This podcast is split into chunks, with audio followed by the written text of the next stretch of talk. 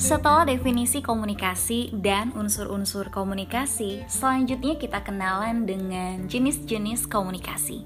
Ada dua jenis komunikasi, komunikasi verbal dan nonverbal. Kita garis bawahi lagi, komunikasi verbal adalah segala proses komunikasi yang pesannya disampaikan melalui lisan dan tulisan. Contohnya, bertegur sapa dengan tetangga kamu, mengirim pesan via media sosial misalnya menulis surat, atau bertanya kabar dengan teman kamu via telepon misalnya. Adapun komunikasi nonverbal adalah segala proses komunikasi yang pesannya disampaikan bukan melalui lisan dan tulisan tadi, melainkan melalui bahasa tubuh, kontak mata, ekspresi wajah, gerak isyarat, sentuhan, intonasi suara, gaya bicara, bahkan penampilan pun juga merupakan jenis komunikasi nonverbal. Nah, jenis komunikasi nonverbal ini lebih sering kita tunjukkan tanpa kita sengaja. Kamu bisa dengan mudah menyampaikan pesan kepada komunikanmu dengan melihat dulu ekspresi wajahnya. Nah, ketika komunikanmu tersenyum dan menunjukkan ekspresi wajah yang positif, kamu akan lebih mudah dalam menyampaikan pesan terhadapnya. Sebaliknya, jika komunikanmu cemberut dan menunjukkan ekspresi wajah yang negatif misalnya, tentu bukan saat yang tepat untuk menyampaikan sebuah pesan. Atau kamu bisa mengelola pesannya dulu menjadi lebih ringan dan menyesuaikan dengan kondisi komunikanmu. Contoh lain komunikasi nonverbal selanjutnya adalah di Indonesia, anggukan kepala menunjukkan iya atau setuju dan gelengan kepala menunjukkan tidak atau tidak setuju. Coba ingat kembali, sesering apa kamu mengatakan iya dan tanpa sadar menganggukkan kepala.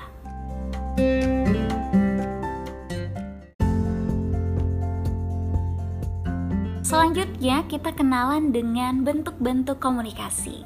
Yang pertama ada komunikasi intrapersonal. Komunikasi intrapersonal ini merupakan komunikasi yang berlangsung dalam diri seseorang. Komunikasi intrapersonal ini dapat kita lihat saat seseorang lagi membaca buku misalnya, menulis diary, mendengarkan radio, Nah, dalam komunikasi intrapersonal ini, seseorang berperan baik sebagai komunikator maupun sebagai komunikan.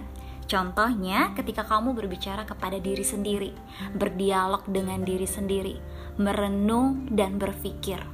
Melihat postingan barang branded di online shop, merenung ingin beli, kamu berpikir, menimbang dari segala aspek, pingin beli tapi mikir, masih banyak keperluan kayaknya. Nah, itu komunikasi intrapersonal. Selanjutnya, komunikasi interpersonal. Komunikasi interpersonal adalah komunikasi yang melibatkan dua orang atau lebih. Nah, jadi pada umumnya komunikasi interpersonal ini terjadi dalam tatap muka dalam proses ini, dua orang atau lebih ini biasanya saling mendengarkan, menyampaikan pendapat, menunjukkan perhatiannya, mempengaruhi lawan bicaranya, menunjukkan keterbukaan, dan saling simpati.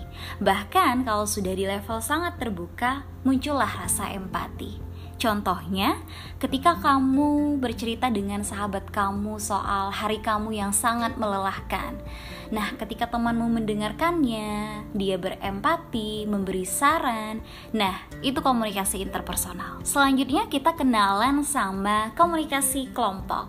Komunikasi kelompok ini kuantitasnya lebih besar sedikit dari komunikasi interpersonal tadi, Nah, komunikasi ini merupakan komunikasi yang berlangsung dari tiga orang atau lebih.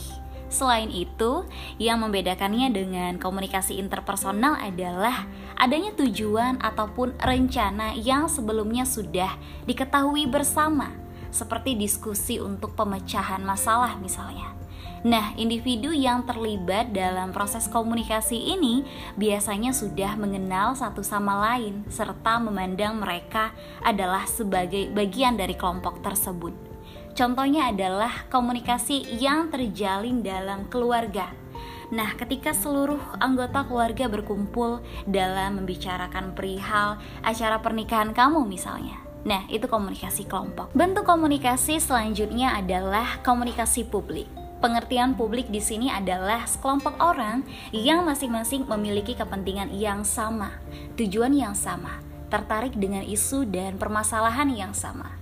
Medianya tidak hanya melalui media massa, blog, situs jejaring sosial, surat membaca, reklame, spanduk, atau apa pun yang bisa menjangkau publik itu bisa menjadi media dalam komunikasi publik. Komunikasi ini memiliki agenda, jadi dia tidak berlangsung secara spontanitas, tetapi terencana dan sudah disusun dan dipersiapkan lebih awal. Contohnya reklame iPhone keluaran terbaru. Nah, itu komunikasi publik. Bahkan podcast bahas ilmu komunikasi ini pun merupakan bentuk komunikasi publik di mana publiknya adalah para pendengar yang memiliki tujuan yang sama dan tertarik dengan isu dan permasalahan yang sama, yakni dalam bidang ilmu komunikasi tentunya.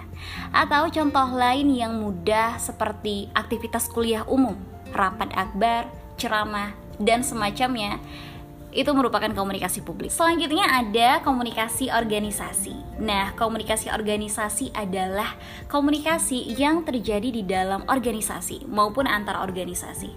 Sifatnya bisa formal maupun informal. Bentuk formalnya bisa kita ambil contoh adanya internal office memo di kantor atau surat pernyataan lah dan surat-surat resmi yang sifatnya mengikuti prosedur suatu organisasi.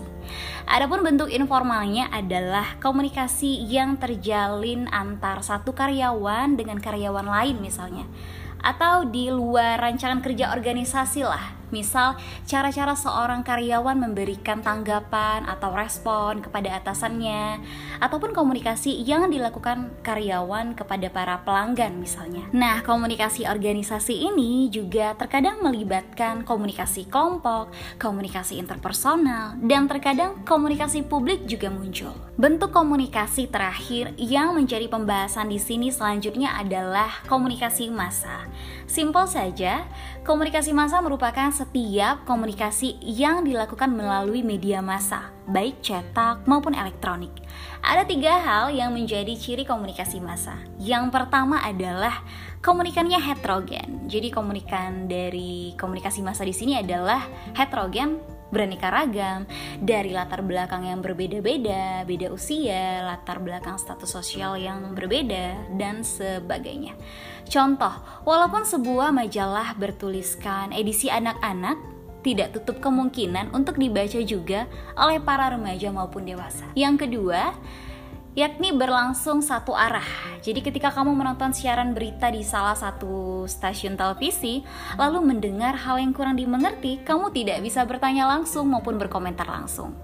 Jadi sifatnya satu arah. Dan yang ketiga terjadi secara bersamaan. Setiap informasi yang dibagikan di media massa diterima secara bersamaan pada waktu yang kurang lebih relatif sama. Jadi sudah ada efek yang timbul ya dari proses komunikasi ini.